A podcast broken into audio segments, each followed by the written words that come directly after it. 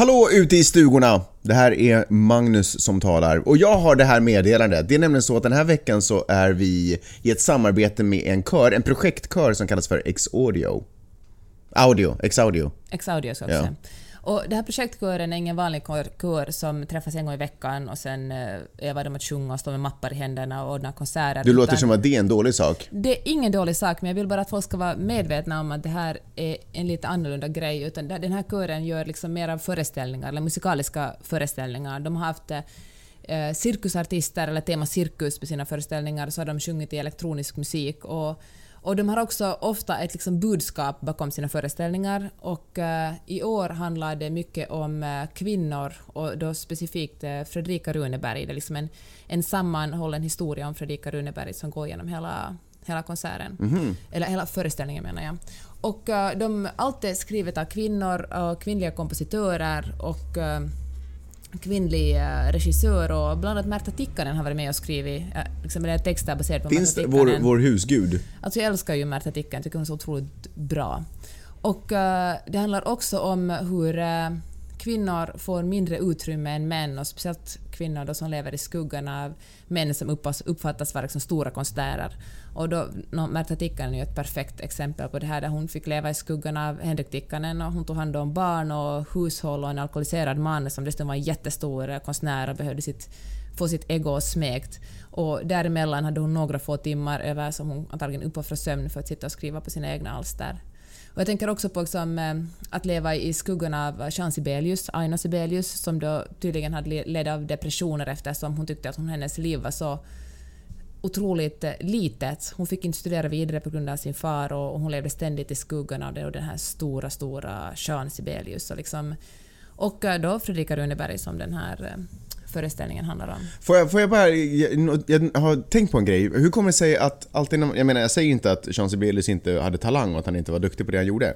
Men hur kommer det sig att Du tycker att han är okej? liksom. Han är, han är helt decent.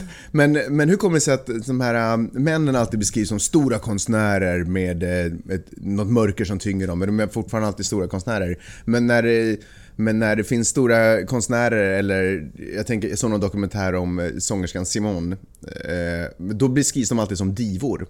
Men det är väl helt, det är ju alldeles tydligt, för så fort en kvinna tar plats så är det liksom något fel på henne. Det är liksom, man kan inte beskriva henne på enbart, i po, enbart positiva ordalag, utan det är lite störande, för jag tror att vi fortfarande är lite ovana vid kvinnor som tar mycket plats. Jag tänker på Madonna till exempel. Hon är ju någon som blir så otroligt kritiserad. De har kallat henne gammal och en, eh, hon är för gammal för att försöka popmusik och hon borde inte försöka. Någonting som man aldrig skulle kritisera män i samma ålder för, utan det är helt naturligt att de är rockstjärnor.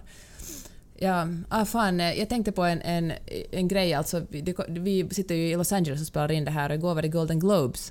Och eh, så tittade jag på några av klippen från prisutdelningen och, och då var det ju ibland så att liksom, ibland är de flera stycken på scen som delar ut pris. Och det var alltid så, det var alltid snubbarna som eh, skojade och drog skämten och var lite busiga medan eh, kvinnorna var de som skulle stå bredvid och fnissa och säga att nej sluta, du är crazy, nej. Och på något sätt bekräfta de här männens busighet eller humor.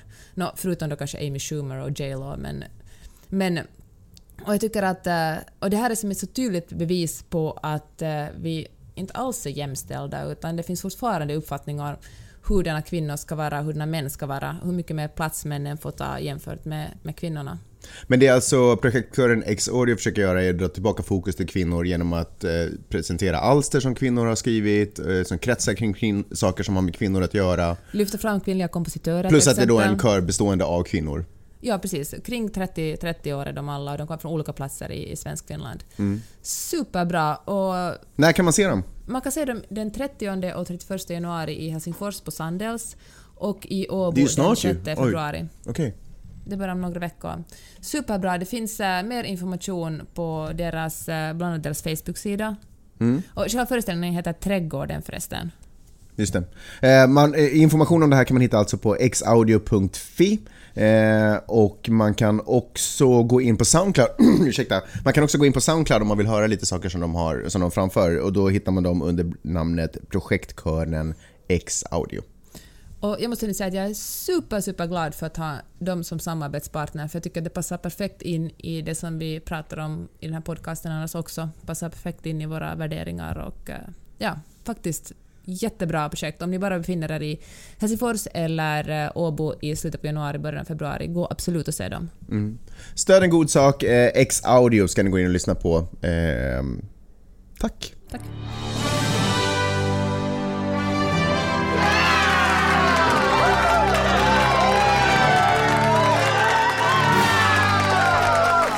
Hallå internet och hjärtligt välkomna till podcasten som heter Magnus och Peppes podcast! Podcast! Way! Och idag firar vi hundrade avsnittet. I 100, 100 avsnitt så har den här podcasten gått ut till er underbara lyssnare. Tack för att ni har lyssnat, tack för att ni lyssnar och tack för att eh, vi finns och kan göra det här för er.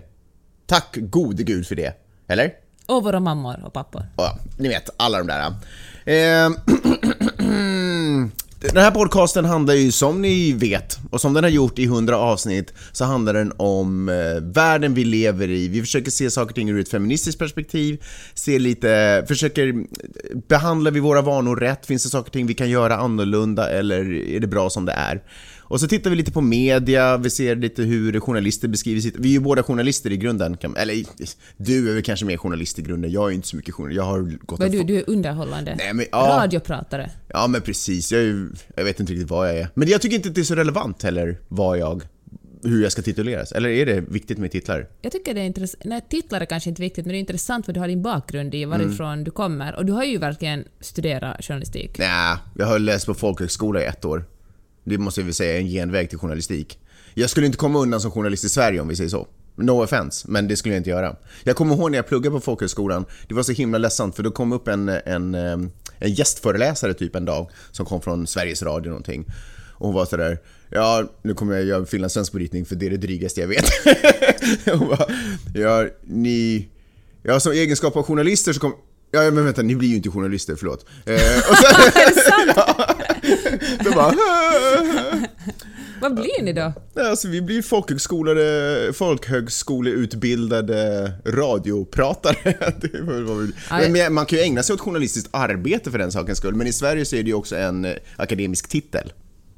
Så därför, av den anledningen, så, den fick vi inte. Vi gjorde ju ingen bachelor på något sätt, eller magister i, i journalistik på något sätt. Doesn't matter. Ehm, det är ungefär vad den här podcasten handlar om. Kommentarer på det?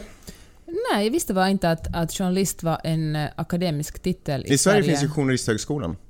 Så de blir ju utbildade journalister. I Finland finns det ju Sossocom, men det är Ja. egentligen bara en kandidatutbildning, så kan man ju fortsätta och läsa kommunikationsvetenskap på Uni. Herregud så ointressant. Nåja, vi Nej men vadå, det tycker jag är relevant. Jag tycker att det är viktigt att veta eh, bakgrunden i folk, folk som utger sig för att vara journalister. Okej, men jag har, liksom en, jag har ju en utbildning i statsvetenskap, jag har läst allmän Mm. statslära. Så jag har ingen...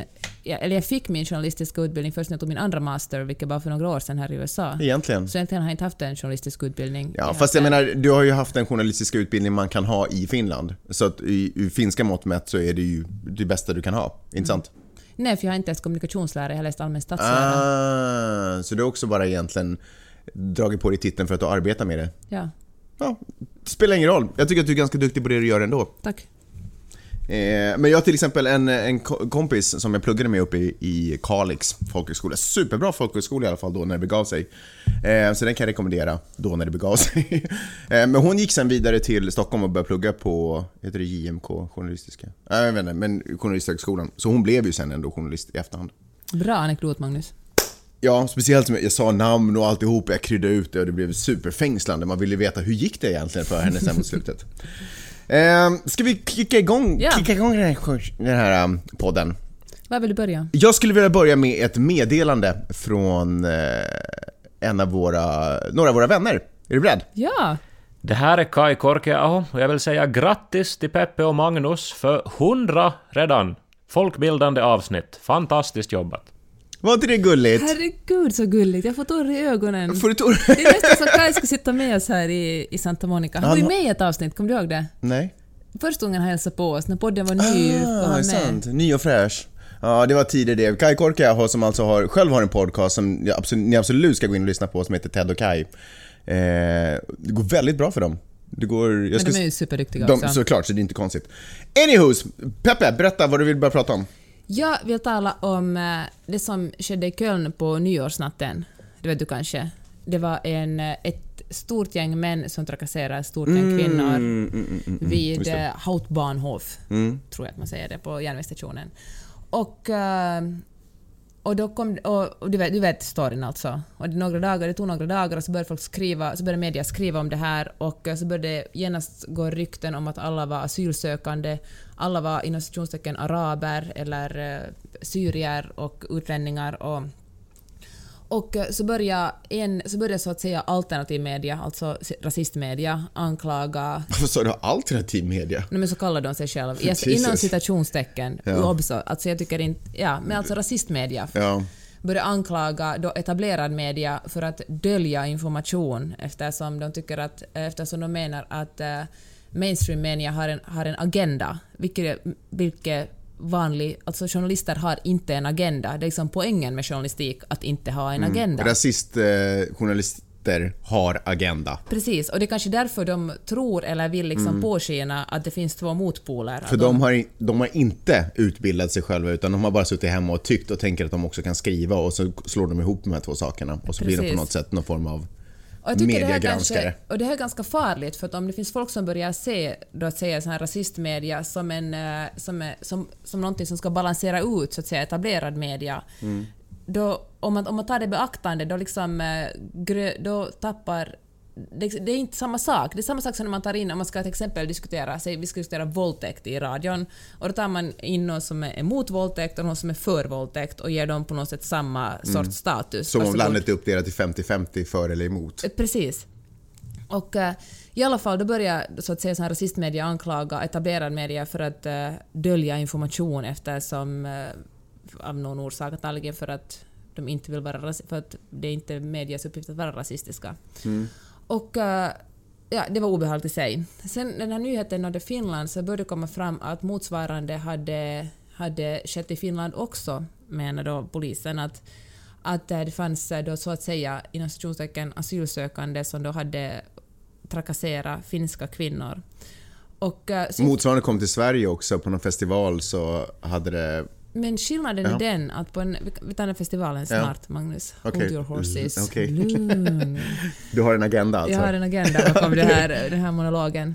Och, och det gick faktiskt en, en polischef ut och sa att i, fin, i Finland har man aldrig sett den här sortens trakasserier förut. Att sexuella de här, den, här sortens sexuella trakasserier är någonting helt nytt. Plus att, eh, att de flesta våldtäkter och sexuella trakasserier som anmäls, sådant som sker, liksom... eh, Eller, nej, inte de som anmäls, de, flesta trakasserier sker av främlingar och eh, folk som, som sker ute på stan, liksom inte folks hem. Och det här är ju ett alldeles vidrigt uttalande eftersom eh, det sker ju enormt mycket sexuella trakasserier också i Finland av finländska män. Och då började, här, började en hashtag på Twitter som hette översatt till svenska, typ tafsaren, där finländska kvinnor började berätta om när de hade blivit, på, när de hade liksom blivit sexuellt trakasserade eller helt enkelt tafsade på av finländska män för att på något sätt som en motreaktion på den här poliskonstapelns uttalande. Men trots att eh, media, liksom, han- blev ifrågasatt den här polischefen, men han bara vägrade, han vägrade backa. Han var sådär att nej, det är nytt det här att eh, sexuella trakasserier av den här på så här sätt har liksom inte hänt förut i Finland. Det är nytt i och med att det har kommit en massa invandrare. Och... ja, Men vänta, pratar han om att sexuella trakasserier inte har skett eller anmälningar av den här magnituden inte har skett tidigare? Nej, han talar bara den här sortens sexuella trakasserier. Ingen vet riktigt vad han menar med den här sorten. Men, men då tänker jag på det här som du talade om Sverige, den här... eh, För samma sak hände ju i Sverige. I Sverige började man också ha liksom, så att säga de här Ja, rasisterna... Där hade å andra sidan polisen mörkat det, skrevs, beskrevs det i, på Svenska Dagbladet till exempel. Under den här festivalen. Ja.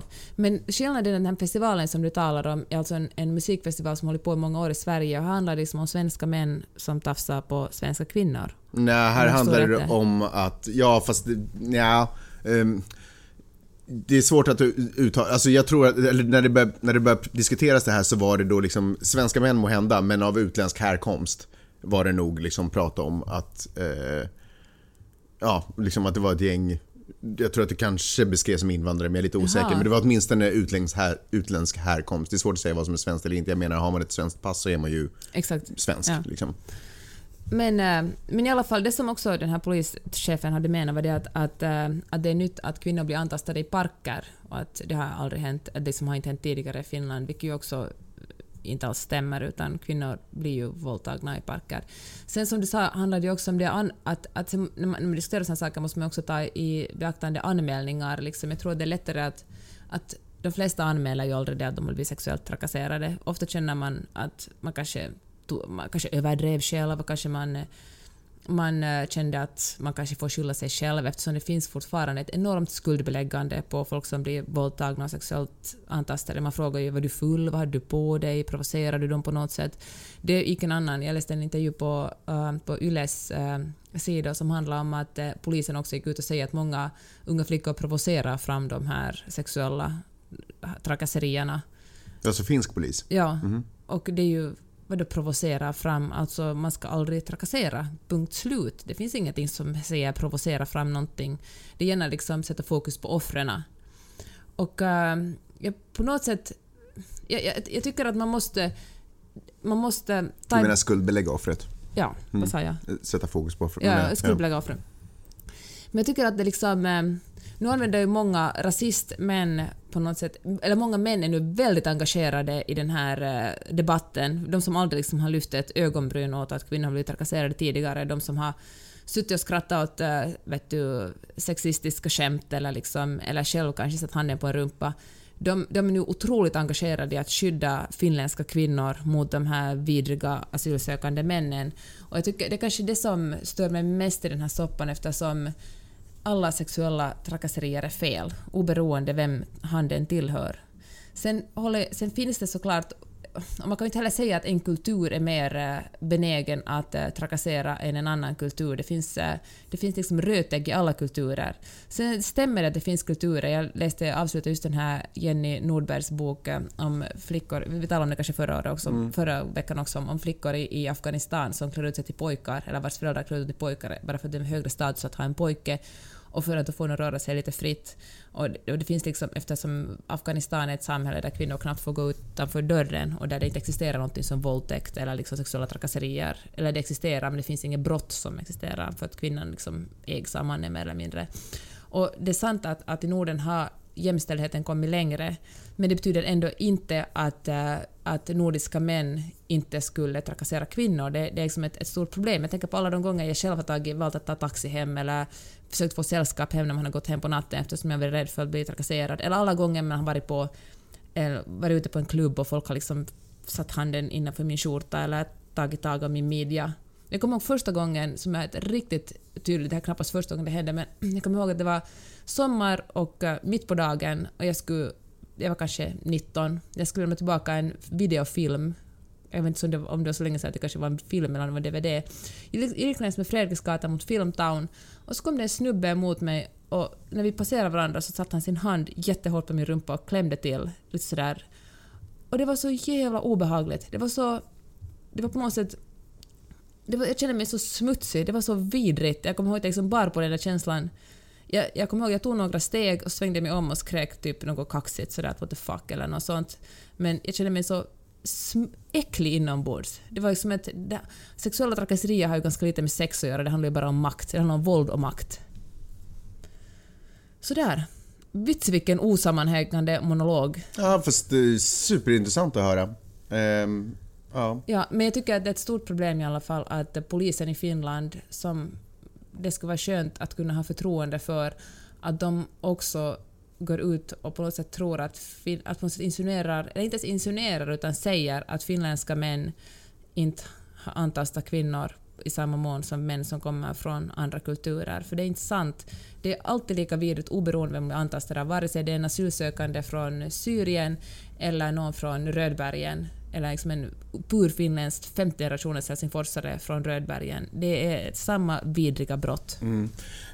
och, och jag kan, jag menar om det om det uppstår ett illegalt problem så ska man ju lösa det med sina rättsliga, du vet, de rättsliga instanser som man har. Jag tycker inte att det är rättvist att, dra, att, att använda sådana här vidriga saker som ett argument för att inte hjälpa svältande människor eller inte hjälpa andra människor som flyr från krig. Jag tycker att det är lite sådär det är, inte, det är inte, för det första är det inte nödvändigtvis samma människor och för det andra så är det två olika sorters problematik. Det, är liksom, det ena ska lösas av rättsväsende och det andra ska lösas genom humanitära insatser. Liksom, på något sätt.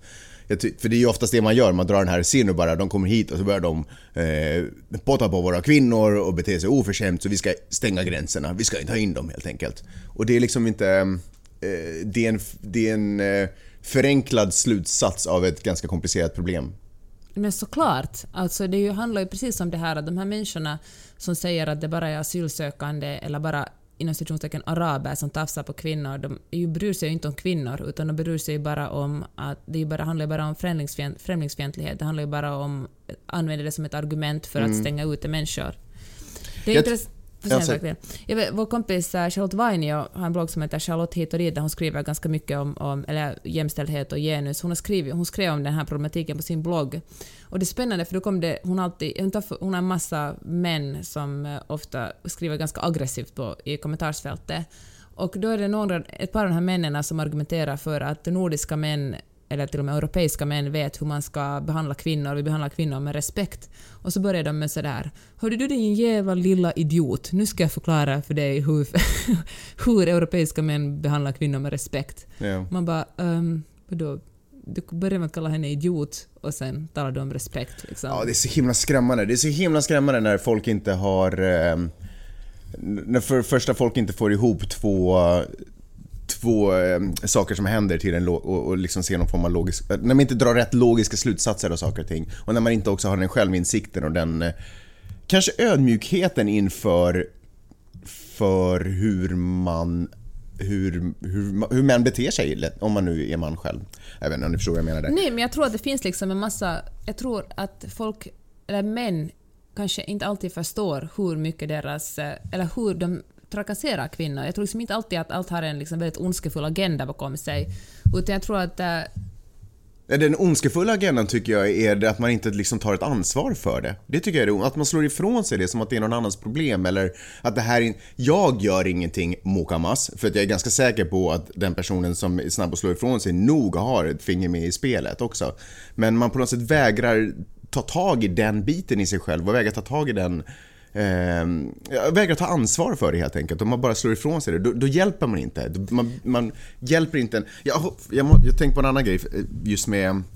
Jag har, jag har noterat uh, att vissa, okej, okay, det finns vissa som är ganska tydligt rasistiska som du vet, uh, postar något sånt här inlägg från uh, eh, någon rapport som har kommit ut på att eh, typ såhär inom citationstecken invandrare tafsar extra mycket, bla bla bla. Och så postar de det så bara kolla här, bra bra, det här är det jag säger, ut med alla svartskallar, stäng mm. gränserna ungefär. Tydligt rasistiska, det är ganska lätt att avfölja dem eller gör, reagera hur man vill på de Facebook-kommentarerna. Men sen så finns det den här andra typen som bara postar den här nyheten utan att kommentera den själv som är jävligt sketchy. Alltså jag, först, jag blir alltid nyfiken på vad är din för jag menar, man får ju, man kan ju posta någonting för att man känner, kolla, det här sjuka saken händer i världen, läs det här. Eller kolla, det här är intressant, läs det här. Men om man lämnar det bara okommenterad, då blir jag alltid lite så här misstänksam. Vet du, det finns faktiskt en sån man i mitt flöde som gör det jättemycket. Är det Stefan Brunov eller? Nej, jag vet inte om jag ens följer honom. Nej, för Men... han, är, han är en sån här snubbe, och han är ju typ journalist på YLE.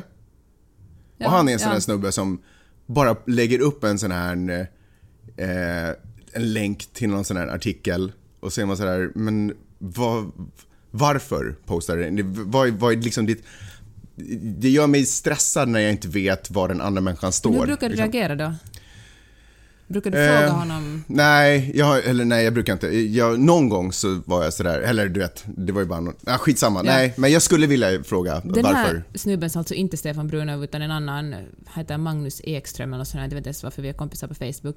Han lägger ut, han kommenterar heller inte, men han lägger ut verkligen länkar till sajter som typ avpixlat, exponerat, uh, uh, nyheter idag, alltså mm. det, sån media som vi talar om, eller media och stationstecken, men såna sajter som då kallar sig rasistsajter helt mm. enkelt. Mm. Och du har någon gång förut uh, skrivit, kommenterat, eller flera veckor sedan skrev, kommenterat och sagt att vet du om att, att du kan framstå som rasist om du lägger ut sånt här. Och så la han ut något igår igen och då skrev jag någonting motsvarande. Han har alltid tagit bort de här inläggen faktiskt när jag har kommenterat. Men nu har det på sist, senaste veckan kommit så jävla mycket bara rasist-shit.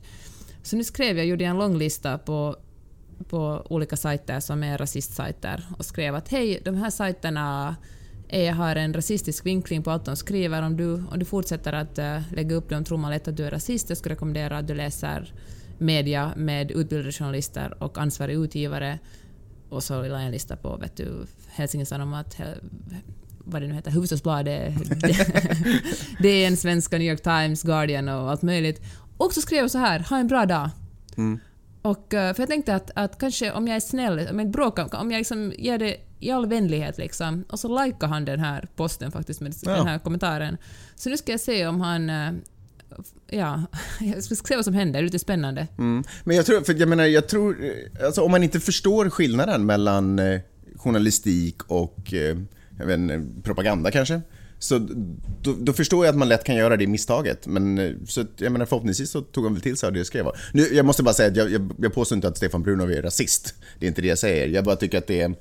Jag vet inte om... Det, om Det är typ så här, jag lägger bara ut den här så får ni själva avgöra. Ja, men liksom, jag skulle bara, på något sätt när det är en, eh, kanske då en journalist, eller inom citationstecken en journalist eller vad fan som helst. Om det är någon som utövar någon form av journalistiskt arbete som delar någonting så skulle jag vilja veta, jag skulle vilja ha det i min kommentar. Jag skulle veta vad han eller hon tyckte var intressant med den här grejen den personen delar. Speciellt om det är någonting så här som är liksom lite laddat nu, som är någon form av Nej, nej, under, under lupp.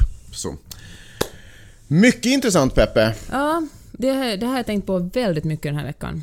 Hej Peppe, hej Magnus, hej alla lyssnare. Det här är Nilla Wekenstam och jag är, som alla vet, världens i särklass största fan av Magnus och Peppes podcast. Med det här meddelandet så vill jag inte så mycket gratta faktiskt som att tacka för de här 100 avsnitten som ni levererat. Tack! Jag vill också säga att vi kräver fler avsnitt, kanske tusen stycken och gärna under 2016. Så sätt för 17 fart nu och leverera mer. Det var vad jag hade. Hoppas vi ses snart och eh, ha det så jävla bra. Kram, hej! Var inte det fint? Ja! Jag Eh. blir sådär lite starstruck för jag tycker att Nille är så bra. Mm, det är coolt faktiskt, det är superroligt. Ehm, det är, det, de kommer ju med hastigheten en gång i veckan. Tror du vi kommer köra tusen avsnitt? Ja. Tror du det? Tusen du- avsnitt! Vet du hur ute podcastar är om tusen, tusen avsnitt? Sa inte den där damen på Acast till dig förresten att det nya är att dela upp sina podcaster i två korta avsnitt och komma ut två gånger i veckan istället för ett? Mm, så kan man tolka det, men det hon egentligen sa var att eh, medellyssnare inte lyssnar mer än 20 minuter. Eh, och därför om man har en lång podcast så lönar det sig att dela upp den. Eh, för dels så får man ju, eh, så håller man ju sig aktuell på listor eftersom man uppgraderar, eller uppdaterar oftare. Eh, men också så orkar ingen lyssna på ett Alltså egentligen nu har vi tappat alla lyssnare faktiskt, för nu har vi gått över 20 minuter. Jag som jag skulle säga, jag vill ändå säga något om Nille, för jag tycker att han är så otroligt bjussig och generös Säg och Nille rolig då. på. Twitter. Bra Och- snack heter podden. Ja. Anna Superbra och, podcast. Ja, Anna Selin och Nille. Och man får, de finns på Twitter och man får jättegärna skicka in frågor till deras podd Bra Snack. Det stämmer.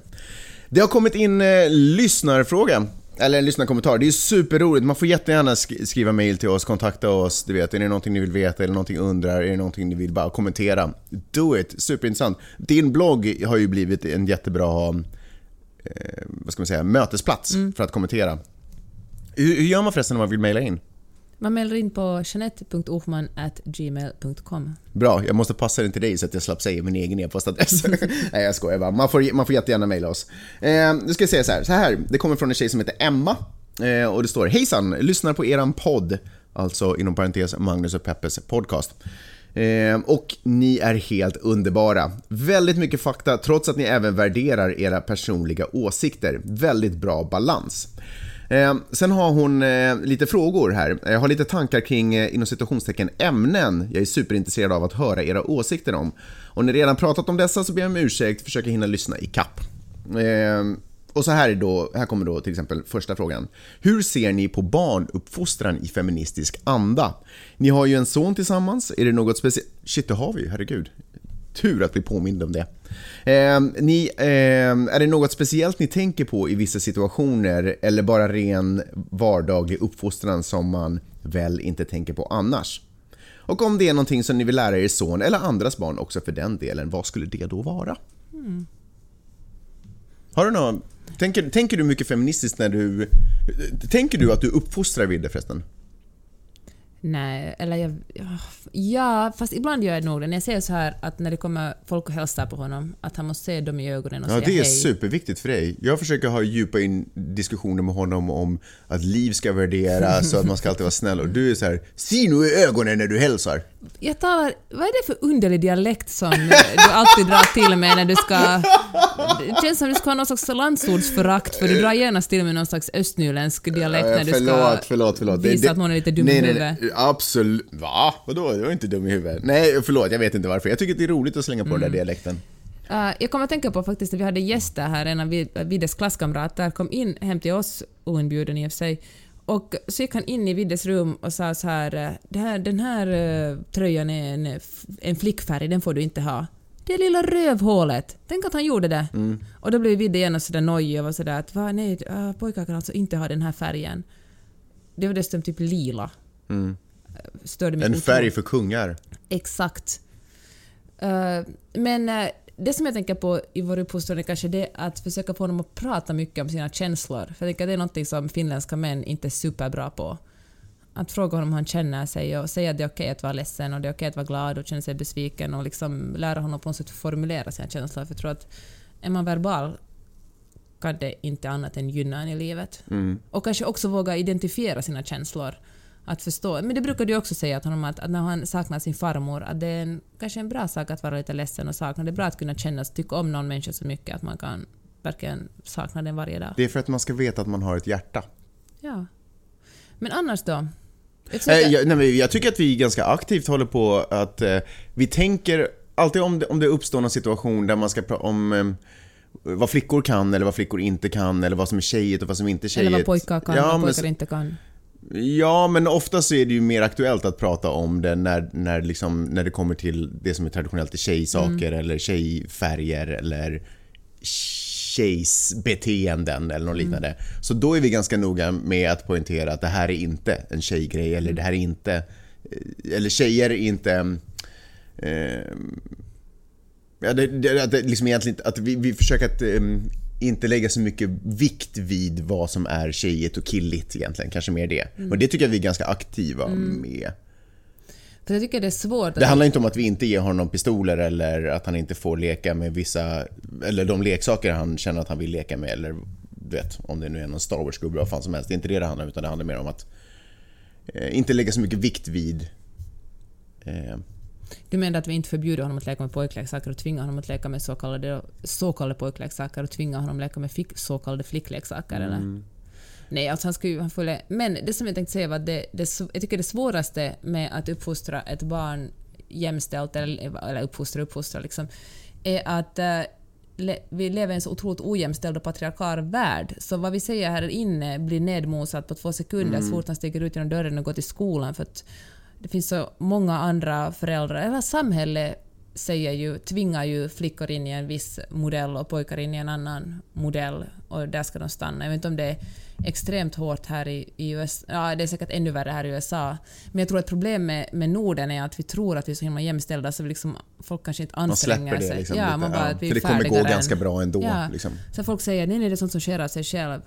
Fuck, är inte alls... Men, men jag tycker faktiskt, jag tycker att ehm, en gång för länge, länge sedan innan jag hade barn och visste vad jag ens pratade om, så då tänkte jag så här, åh, hoppas jag får en tjej så ska jag uppfostra henne, eller fostra henne att bli en stark kvinna, du vet, som inte behöver ta skit. Men jag måste säga på så sätt så, det är ju inte tjejerna som är problemet och tjejernas Nej. beteende som är problemet, utan det är ju faktiskt snubbarnas beteende som är problemet. Så på så sätt kan jag känna att jag är ganska tacksam för att jag fick en pojke för då har jag möjlighet att arbeta på, jag säger inte att jag kommer lyckas, eller vi kommer lyckas, Eh, Men då har vi åtminstone möjlighet att arbeta på en snubbe som inte behandlar tjejer på ett specifikt sätt för att de råkar vara tjejer. Alltså det är ju, det är ju männens Mm, ja, förhållningssätt som ska, måste förändras. Och då har vi ju åtminstone en, en man att arbeta med. Jag tycker precis som du säger att massa jämställdhetskampanjer borde rikta sig mycket mer mot män Absolut. än mot kvinnor. Sen när jag sa det att USA är super eh, könssegregerat, true that, men faktiskt på Viddes skola är de jättemjuka. Jag kom, vet du hans kompisar Luca Connor som vill kramas varje gång de ska ta farväl av Mm. varandra när skoldagen är slut. Mycket fint tycker jag. Ja, faktiskt. Ja, eh, ibland får man hopp om, om, om framtiden faktiskt. När man tittar på deras beteende. Men det, samtidigt så känner jag att det är nästan så här syn när man sitter och bara väntar på att De ska bli jocks. Ja men exakt, att de kommer i en ålder där de bara screw allt, allt det där, att visa känslor och sådär. Men eh, Men kanske det, kanske det är en av de saker som vi, om man då tänker sådär feministiskt arbeta med, så tror jag att det är att på något sätt ge honom ett, ett känsloliv och att ge honom verktyg att kunna kommunicera sina känslor. Eh, det är inte sådär, gråt inte, utan, eh, utan prata om varför du gråter och vad, hur känns det? Att på något sätt ge honom ord och kommunikation. Verktygen helt enkelt. Det tror jag. Sen tycker jag det är jätteviktigt att man tänker på det, för jag tror som sagt inte att det sker av sig självt. Om man bara liksom tänker att vad fan, titta de kramas ju när de går till skolan så att samhället är fixat redan, så då är man illa ute. För Ja. För att, Man får aldrig släppa garden. nej, ständigt hålla ett öga på sig själv. Det har kommit en, det finns en följdfråga till den här äh, som lyder äh, Hur mycket får man uppfostra inom citationstecken andras barn? Och när det är okej att säga till någon annans barn och när det inte? Och så vidare. Ah, fan, superkänsligt att säga till andras barn. Du brukar ju säga göra det. Va? Brukar jag? Ja. Du sa ju till den där lilla rövhatten som kom och påpekade om att... Ja, men jag sa, inte, jag sa liksom inte till honom, jag bara tog, disku, jag tog snacket med honom också. I princip. Men, eh, men nu handlar det mer om att säga till kanske föräldrarna eller uppfostras andra. Jag, Ah, jag men tycker- tror du det? Det skulle jag aldrig våga. Nej, jag, och jag, sen är också... Jag menar, vi kan ju ha vår inställning till hur vi tycker att världen borde se ut, men jag tycker också att det, det finns en point i att alla inte har samma inställning. Eh, med det säger jag inte att jag tycker att det är okej att man beter sig som ett rövhål mot andra människor, men jag tycker ändå att min... Eh, jag, jag tycker att det som är det fina någonstans med mänskligheten i mångfalden, det är det som gör att vi tar oss till olika platser och att vi upptäcker och, och, och hittar på. För att det är också genom motstridigheter som jag får möjlighet att bolla och testa och stärka kanske också mina idéer och tankar och åsikter. Så nej, jag tycker inte att det finns en point i att omforma andra människor till mitt sätt att se på saker och ting. Eh, men det är klart att de så nej, jag skulle inte gå in och uppfostra. Däremot så skulle jag kanske ta avtramp ifrån vad jag märker att andra människor gör med sina barn och, och arbeta istället på Fast min egen kanske, familj. kanske om det är till exempel... Vad heter det, så här möten man har på skolan? Eh, Skolmäten. Nej men sådana föräldramöten. Ja, föräldramöten, ja. Och så kommer någon och säger så här, "Åh, jag tycker att alla flickor bara ska ha... Ja, men okej, men det är en annan sak. Men det handlar ju inte om att uppfostra andras barn. Då handlar det ju om att skydda sitt eget barn egentligen från andra människors uppfostran. Ehm, så kanske jag känner. Ehm, men det är klart, om, om ett barn säger något som jag uppfattar som olämpligt innanför mina väggar så tycker jag det finns anledning att säga ifrån. Håller med. Mm, skönt. Sen ska vi, ska vi ta vidare? Hon har en Ja. följdfråga. Okej, kör, eller hon har en till fråga. I Sverige förekommer inte manlig omskärelse. Vi hoppar till ett helt annat ämne. Eh, Det förekommer då alltså i USA och framförallt förr i tiden var det ju snubbar i min ålder, det här står alltså inte i brevet, men snubbar i min ålder är ju i princip alla omskurna i USA. Aldrig träffat en omskuren penis. Har du aldrig träffat en omskuren penis? Men du har träffat en, du har bara inte vetat om det för den har varit i, i förpackningen eller i byxorna. Ja, ja. Men du har inte liksom Jag- hälsat? Du har inte stått öga mot öga med en omskuren penis? Nej men okej. Tack. Nähä? Okej. Ehm, så, okej. jag tar frågan från Du blev början. lite... Jag vet inte vad jag Du ska... kan bara tänka på penisar nu. Nu sitter jag bara och tänker på det där ögat som stirrar mot en. Okej. I Sverige förekommer inte manlig omskärelse på samma sätt som i USA, även om det förekommer här också. Enligt RFSU, eh, taget från lagtext i förenklad form, blev det lagligt att omskära sina söner sedan 2001 om båda vårdshavarna är ense. Ser ni detta som ett övergrepp eller är det okej att omskära sina söner enligt tradition slash kultur slash social acceptans? Om jag förstått är det det som gäller i USA. Eh, jag vet inte, okej. Ehm, ja, där var väl ungefär frågan. Vad säger du Peppe? Är det rätt? Ja, Jag kan bara avsluta med att säga att hon sen önskar oss en superbra dag och tack för en helt underbar podd. Ni förgyller mina dagar. Nu ska jag återgå till mitt tentaplugg. Lycka till med tentaplugget. det är du som är underbar, Emma. Vad säger du? Är omskärelse okej? I- Om vi Alltså, börjar i det som- religionsnamn. Det som jag fastnar för, det står någon slags hygienaspekt. Ja, men det är ju därför som jag förstod att alla snubbar i min generation i USA är omskurna. Men kan inte man bara tvätta sin penis istället för att liksom skära bort grejer från den?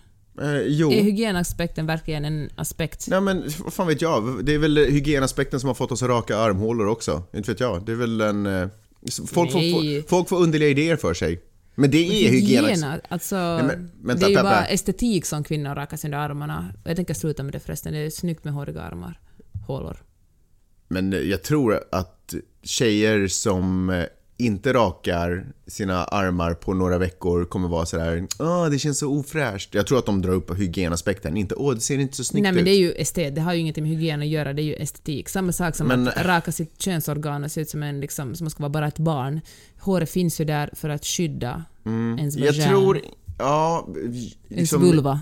ja och nej. Jag kan ju liksom inte argumentera emot dig, men Och sen att man säger det är att- ofräscht med hår, det är ju också, vad fan, det är inte Ja, men- ofräscht med hår, det är världens mest naturliga grej att det växer hår på ens kropp. jo, men du kan väl höra folk, kan, kan du spela upp det scenariot i Ja, ditt huvud? Ser men- du det som ett troligt scenario? Men det är ett argument som inte kommer från att det ska vara ohygieniskt på riktigt. Nej, nej, nej, nej. Men, nej, nej, nej. Och det, samma sak är ju det här med omskärelse. Det är säkert liksom... Ja, I vilket fall som helst, jag har förstått att det är hygienaspekten som har...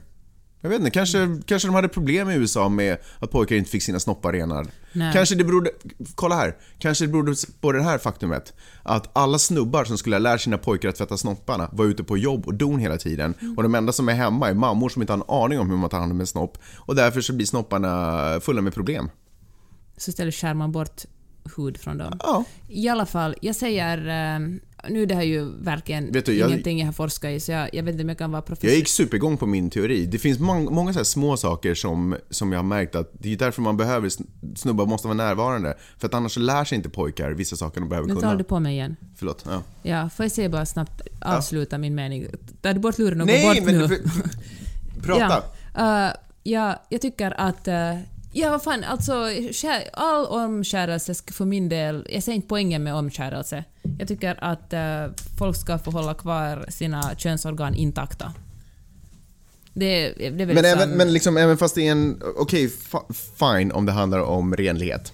Fine. Men om det är religiös grej då?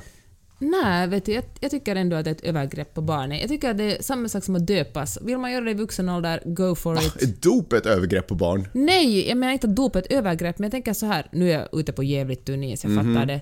Men jag tänker så här att på något sätt kan man få välja själv om man blir döpt och kan man då få välja själv om man vill skära bort grejer från sin snopp. Kanske inte superbra jämförelse, men, men eh, spontant som sagt har jag inte forskat så mycket i det här, men jag, ser nog, men jag tycker ändå, låt bli att Låt bli omskärelse. Mm. Eh, ja, jag, alltså vad fan. Ja, jo men jag tycker väl samma sak. Jag tycker att man ska inte hålla på och skära i folk i onödan. Jag tycker det känns taskigt onödigt. Det är svårt med eh, när det kommer till liksom rel- religion och sådär för folk. Dels är det svårt därför att folk tar det så jävla seriöst. Och då, då är det, jag menar folk har ju valt att leva sina, folk har ju offrat Ja. sina liv för det på sätt och vis. Så då är det ju naturligtvis svårt att sitta och säga nej men du ska Komma inte in som en sekulariserad jävel och bara vara sådär att Exakt, du och du ska inte föra din tradition vidare. Det som du har gjort i hela ditt liv, det ska inte du föra vidare till ditt barn. För det är väl någonstans det man gör Mm. som förälder. Man vill föra vidare den, den upplysningen man har nått till, till sitt eget barn.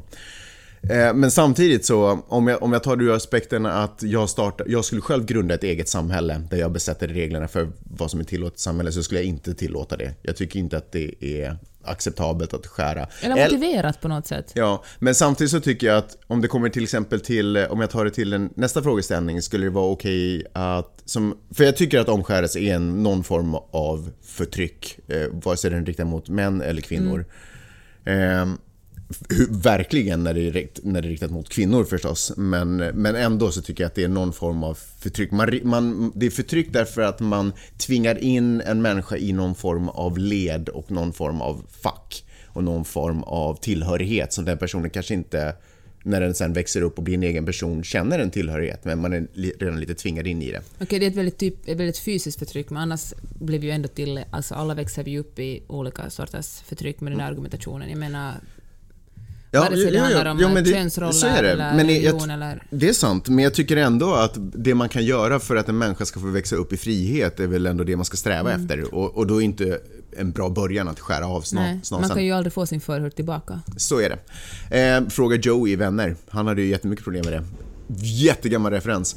Eh, men sen om man tar det steget vidare, skulle jag tillåta i mitt eh, påhittade hypotetiska samhälle, skulle jag tillåta burka till exempel? Och där kan jag väl kanske också känna att nej, därför att det är så otroligt avgränsande, eh, eller begränsande. Och även fast man... Magnus. Och även fast man claimar kulturellt så tror jag att jag inte skulle välja det. Men det jag tror att jag skulle vilja säga här är att när det kommer till sådana saker som att vad man tycker, borde tycka är accepterat och inte, så tycker inte jag att det räcker att man sitter hemma vid sitt köksbord och tycker till. Det är klart att man kan ha en, man tillåts ha en instinktiv åsikt om det, men jag tror att just i sådana här fall är det jätteviktigt att man baserar sina åsikter på kunskap och att man baserar det på studier liksom på något sätt, att man undersöker kulturen. Man, sitter inte, man tillfrågar inte en vit professor i Uppsala som kanske har studerat arabisk kultur i sju år, utan man på något sätt man försöker gå till botten med problemet på ett djupt och vetenskapligt Men sätt. professorn, vad fan? Jo, men jag, jag tycker att... Det, eh, Han har kanske idkat fältstudier Fair i enough, men inte egenskap av att Egypten han... och Afghanistan. Och... Jo, jo, jo, jo, jo, jo, jo. Det var en hypotetisk professor, men min hypotetiska professor har bara suttit bakom skrivbordet och läst böcker om det. Men, men det är klart, jag menar, jag tror att det är viktigt att Vadå man... böcker? Ju- Okej, jag fattar din poäng. Sorry, sorry, sorry jag fattar. Ja, fattar. jag, jag menar bara att det är viktigt att man gör ordentlig efterstudier och att man, att Mm. man eh, Du menar att vi inte ska sitta här och bara... gissar oss till vad vi tycker. Vi har Ja. inte tillräckligt mycket att backa upp våra åsikter med. Men med det sagt, när det kommer till omskärelse, jag kanske inte är för det. Tvätta era snoppar istället. Ja, det är mycket, mycket bättre. Hej Magnus och Peppe! Grattis på er hundrade podcastsändning, eller vad vi nu säger. Fan, jag har fortfarande inte lärt mig. Efter drygt 300 avsnitt av min podcast Värvet. Stort grattis, keep on keeping on som vi säger. Puss och kram! Hurra! Ja, underbara Kristoffer Triumf som också skickar en liten hälsning till dig och Herregud mig. så gulligt! Så... Han var en gullig typ när vi träffade honom i Stockholm också. Han, eh, så vet jag vet är han det fortfarande. Ja, tydligen. Tydligen. Tack Kristoffer. Eh, Svenska Dagbladet publicerade för ett litet tag sedan en... Eh, kr- Peppe, journalistiska termer för den här. Det är ingen krön, det är ju inte en artikel. En är det? text. En En- text. Skitsamma. 13 missuppfattningar om bildning. Eh, skriven av en snubbe som heter... Eh, Hade inte den här människan talat med en massa olika människor som fick säga varför det är viktigt med bildning? Nej, den är skriven av en snubbe som heter Thomas Steinfeld som är författare och medarbetare eh, på Süddeutsche Zeitungs kulturredaktion. Holy craps. Vilket fall som helst, eh, gå in, vi har flippat den här, så gå in på flipboard.com och leta efter Magnus och Peppes podcast så hittar ni den här artikeln här. Superintressant! Berätta Peppe varför du tyckte den var intressant. För att eh, i dagens samhälle uppfattas bildning ofta av många, jag säger inte alla, många är någonting som är eh, liksom eh, lite, inte ofint, men lite elitistiskt. Att det är det riktiga. Mm. Det är ju en av punkterna där faktiskt också. Ja. att man ska kolla med det riktiga folket, liksom. de, som, de, där, de vanliga donarna och liksom de som inte är någon slags eh, just elitister som sitter på sina kammare och läser böcker och tror att de är lite bättre än någon annan. Och eh, då har man liksom fått det här med bildning om bakfoten, för bildning är inte någonting som nödvändigtvis har någonting med en viss klass att göra, utan bildning är någonting, ett sätt att kunna ta till sig information och liksom eh, ja, förstå samhället på ett sätt. Inte, ja. Bildning kan leda till det i alla fall, skulle man kunna säga. Det den här, fick, den här artikeln fick mig att tänka på är ju, eller den fick mig att återigen se hur ledsam framtid på många sätt vi går. Nej, men jag tänker sådär på hur, man, hur jag upplever att man i Finland till exempel då håller på och skalar ner på utbildning. Att folk inte riktigt ser poängen med en utbildning längre. Eh, och jag är ganska säker på att det fortfarande finns en handfull människor som förstår poängen. Eh, och jag är också ganska säker på att många av de här människorna som förstår poängen med utbildning också befinner sig i någon form av maktpositioner. Eh, och att, att det här att skära ner på utbildning och sådana saker, även fast majoriteten av människorna kanske tycker att det verkar vara en bra idé, inte kommer gynna majoriteten av människorna. Och då har det på något sätt så har det fått mig att inse hur otroligt viktigt det är med utbildning. Eh, jag har tänkt så här att demokrati är ju ett fantastiskt statsskick, ett, system, ett fantastiskt system. Eller åtminstone det bästa vi har kommit på. Ja, fast det är inte det bästa om vi inte har också, om det inte går hand, alltså demokrati går hand i hand med utbildning och eh, kunskap, vetenskap. Därför att om vi inte har dem så kan vi inte heller fatta rätt beslut. Eh, och det är ju det hela demokratin bygger på, att det finns en beslutsprocess. Om vi ska ha ett obildat folk då, då, är, då kan vi ju lika väl bara ha en utbildad elit som fattar alla besluten åt oss. Och det är jag ganska säker på att det kommer gå mycket, mycket, mycket bättre. Eh, så om, om utbildning inte är någonting vi satsar på, då tycker jag lika väl vi kan köra ett kommunistiskt system där vi har, eller diktatur till och med, där vi har en, ledare som talar om vilken väg vi ska gå. Som har, som har läst på, som vet och som, eh, som kan fatta vettiga beslut. Så om vi ska ha demokrati, vilket jag tror att vi all, de flesta är överens om att vi ska ha, då måste vi också satsa på utbildningen, för annars är vi chanslösa i det här systemet. Men annars kan- skapar vi egentligen en kommunism. Kan det, kanske inte kommunism Jo, men det gör vi. exakt samma sak. Nu kommer man ju vara utbildad under kommunismen också. Ja, kunde man egentligen det? Ja, alltså jag menar, visst, man, Jo, det, det vill säga- jättebra jo, universitet. Det är sant. Eh, Man kan vara... betyder inte att man är dum i huvudet, utan det betyder ju mer ett ekonomiskt skick. Nej, men om man till exempel tittar på den extrema kommunismregimen som finns i Nordkorea. Nordkorea. Jag visste jag säga det. Men tänk på liksom Kuba som har världens bästa läkare till exempel. Mm, sant, fair enough. Utbildningen i Sovjetunionen, också bra. Ja. Tvärtom liksom erbjuder ju många gratis utbildning Ja, där i alla motsats till exempel superkapitalistiska USA där det bara är en viss... eh, ju mer pengar du har desto bättre chanser får du att få en bättre utbildning. Sant, men den utbildningen kom ändå alltid till ett pris och den utbildningen är nog ändå så, för det, man vill ju inte ha fria tänkare i ett kommunistiskt system för man vill ju ha folk som kan, ändå kan följa. Mm. Så den utbildningen kom ju alltid med ett pris, att den kom ju alltid med en parallell utbildning som handlade om att eh, hjärntvätta och forma människor. Mm. Kanske det, ja. Men jag tänker så här, tror att folk som säger sådär att nej, nej, att, att bildning är någonting för elitistiskt och borgerligt och, och komplicerat. att tror du de människorna på något sätt blandar ihop det här riktiga folket och äkthet. Att man tror liksom att, att om man bara är liksom, lever och går på jobb och inte kanske läser så mycket, då är man liksom en äkta människa. Och då har man, men att, fast det inte alls är samma sak, man kan liksom vara en, en eh, människa som går på jobb och en donar och ändå vara bildad. Och, först- förstår du? Det var ett, Jag förstår, jag, men jag tror inte det. Jag tror att folk som väljer den approachen är egentligen eh, rädda och fega och eh, lata och eh, tycker att, och, och man istället för att ta itu med de svagheter och, och brister man själv har så väljer man istället att försvara dem och inte ens förklara dem utan försvara dem och, och därför vänder sig emot det som man är rädd och säger att det är det som är fel istället för att ta ansvar för sin egen situation och sitt eget liv. Och jag säger inte att, man, att utbildning är för alla och att utbildning är någonting som alla borde ha. Eh, men, men, jag säger, men jag tänker säga att... Eh, men med utbildning menar du en akademisk utbildning då? Eller vad tänker, alla borde ju bli utbild, alla borde ha en utbildning. Alla Jo, men du vet, man, skola. man kan ju utbilda sig praktiskt också. Men jag tycker att det finns anledning, Eh, eller jag tror att många eh, väljer en praktisk väg därför att de är rädda för att misslyckas, kanske akademiskt. Därför att det kommer med så... Eh, jag Grejen är att när, när vi lever i det här samhället där, där ah, jag vill inte säga det, men kapitalismen har gjort att det är, det är viktigare att eh, det, det är mål, det är tävling, det är sådana saker som är liksom det väsentliga. Det är inte konst och kultur som samlar folk i grupper och diskuterar och utvecklas, utan det är sport som samlar folk och enas kring någonting. Och, och allt det här gör ju att den akademiska utbildningen handlar ju mer om att slutföra den akademiska utbildningen snarare än att ta till sig en bildning under den här, du får, du får en gratis period på sätt och vis gratis därför att den s- till stor del sponsras av staten. Därför att en gång i tiden så uppfattar vi det här som viktigt. Att, att folket inom landets gränser var bildat. Eh, Så du har fått en möjlighet att inom eh, några år bilda dig. Men du lägger inte fokus på bildningsperioden utan lägger fokus på att ta din examen. Var du som sa förresten i förra podden, eller förra, podden, att vi istället ser, att, eh, ser typ Steve Jobs och Richard Branson och, och Bill Gates som någon slags nya messias eller liksom avgudar? Nej, jag tror inte det. Och eh, det, det, får Eller lät det smart? det lät smart. I så fall kan det vara ja.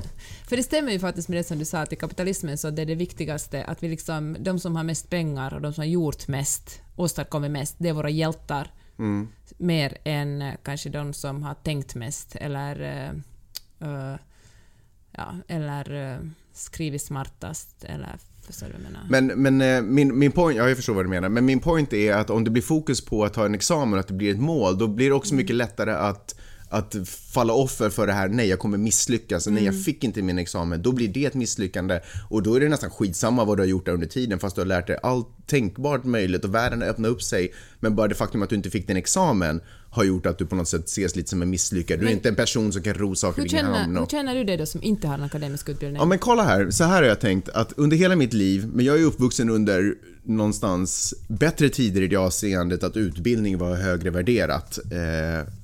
och, och jag har fått möjlighet att gå på universitet utan att ruinera mig själv ens. Och jag misstänker att de dagarna håller, på, vi ses, håller vi på att se slutet på.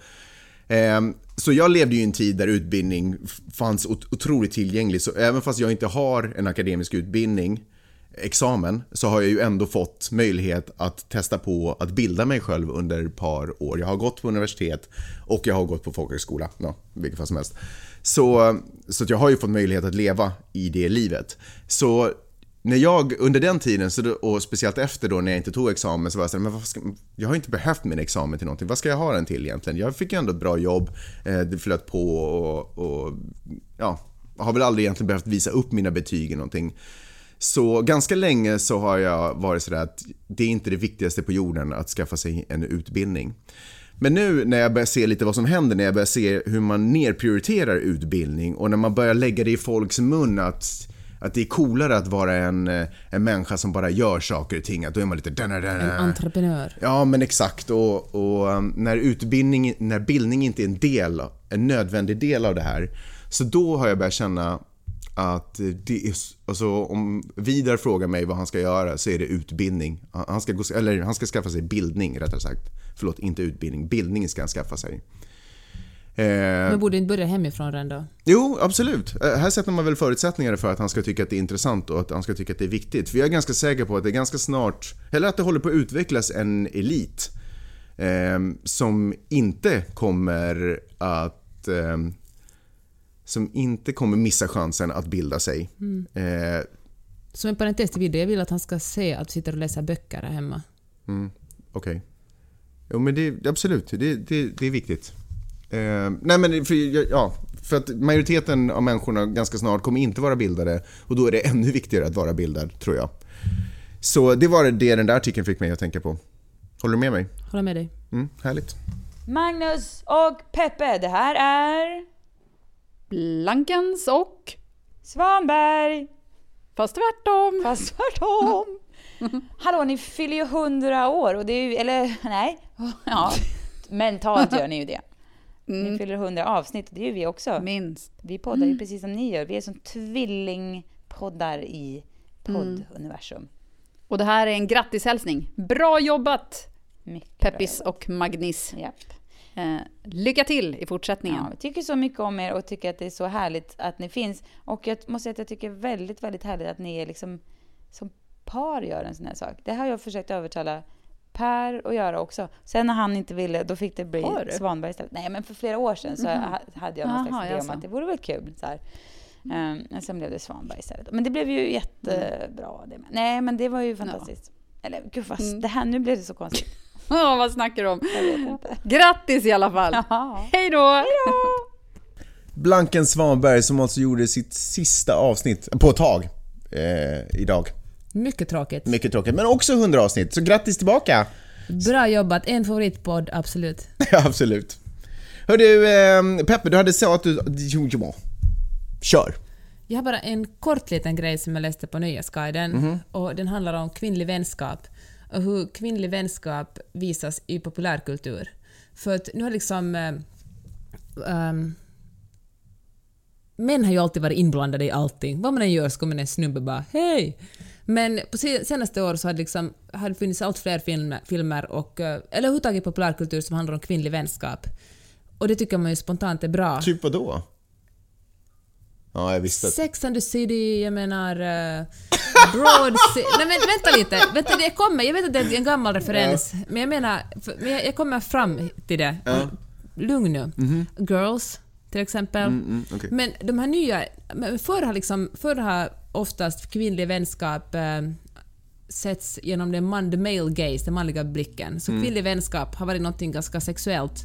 Typ om man söker om man Pinterestar bilder på kvinnlig vänskap så då ser man tjejer i, i bhn som eh, sitter och kramar varandra och liksom, som, är, som är sexualiserat på något sätt. Men på senaste år så har både Orange is the new black och The Broad City som jag sa, kanske också lite Girls, visat kvinnlig vänskap kanske mer som den är på riktigt. Den kan vara, den är inte sexualiserad på samma sätt utan det är bara vänskap där man sitter och äter chips och skypar med varandra. Lika lite som två goda killkompisar sitter och håller i varandras penisar. Ja, det kan de göra, men det är kanske sällsynt. Vad vet jag vad ni Mm. har på med. Men jag tycker, eh, det var bara en kort text på, på Nöjesguiden som också finns på Flipboards sida som jag tyckte var, ah, det var bra. Och det var igen en påminnelse om hur mycket som allt händer i den här världen, eller hur mycket som vi, av den populärkulturen som vi konsumerar ses genom någon slags male gaze, så allt ska vara lite sexigt och snyggt hela tiden för att mannen ska gilla det. Ja. Ja, det var det. Det var bara det var en kort, kort liten spaning. Det var inte så dåligt. Hej Magnus och Peppe! Hoppas allt är bra med er och stort grattis till det hundrade avsnittet. Jag är ett troget fan, Anita Schulman heter jag och jag hoppas på minst hundra till. Puss! Är det inte fint att de har skickat en massa hälsningar till oss? Alltså det var ju en överraskning för mig. Ja. Jag är på riktigt superrörd. Så gulligt, så fint. och också, alltså, och det är som typ säga att Anita Sons äh, Lille Lördag bara blir bättre och bättre. Mm. Superbra feministisk eh, spaning kring föräldraledighet i senaste avsnittet. Ja. Bra. Och gan- Allt som oftast tycker jag att det är superbra feministiska spaningar i den där podden också.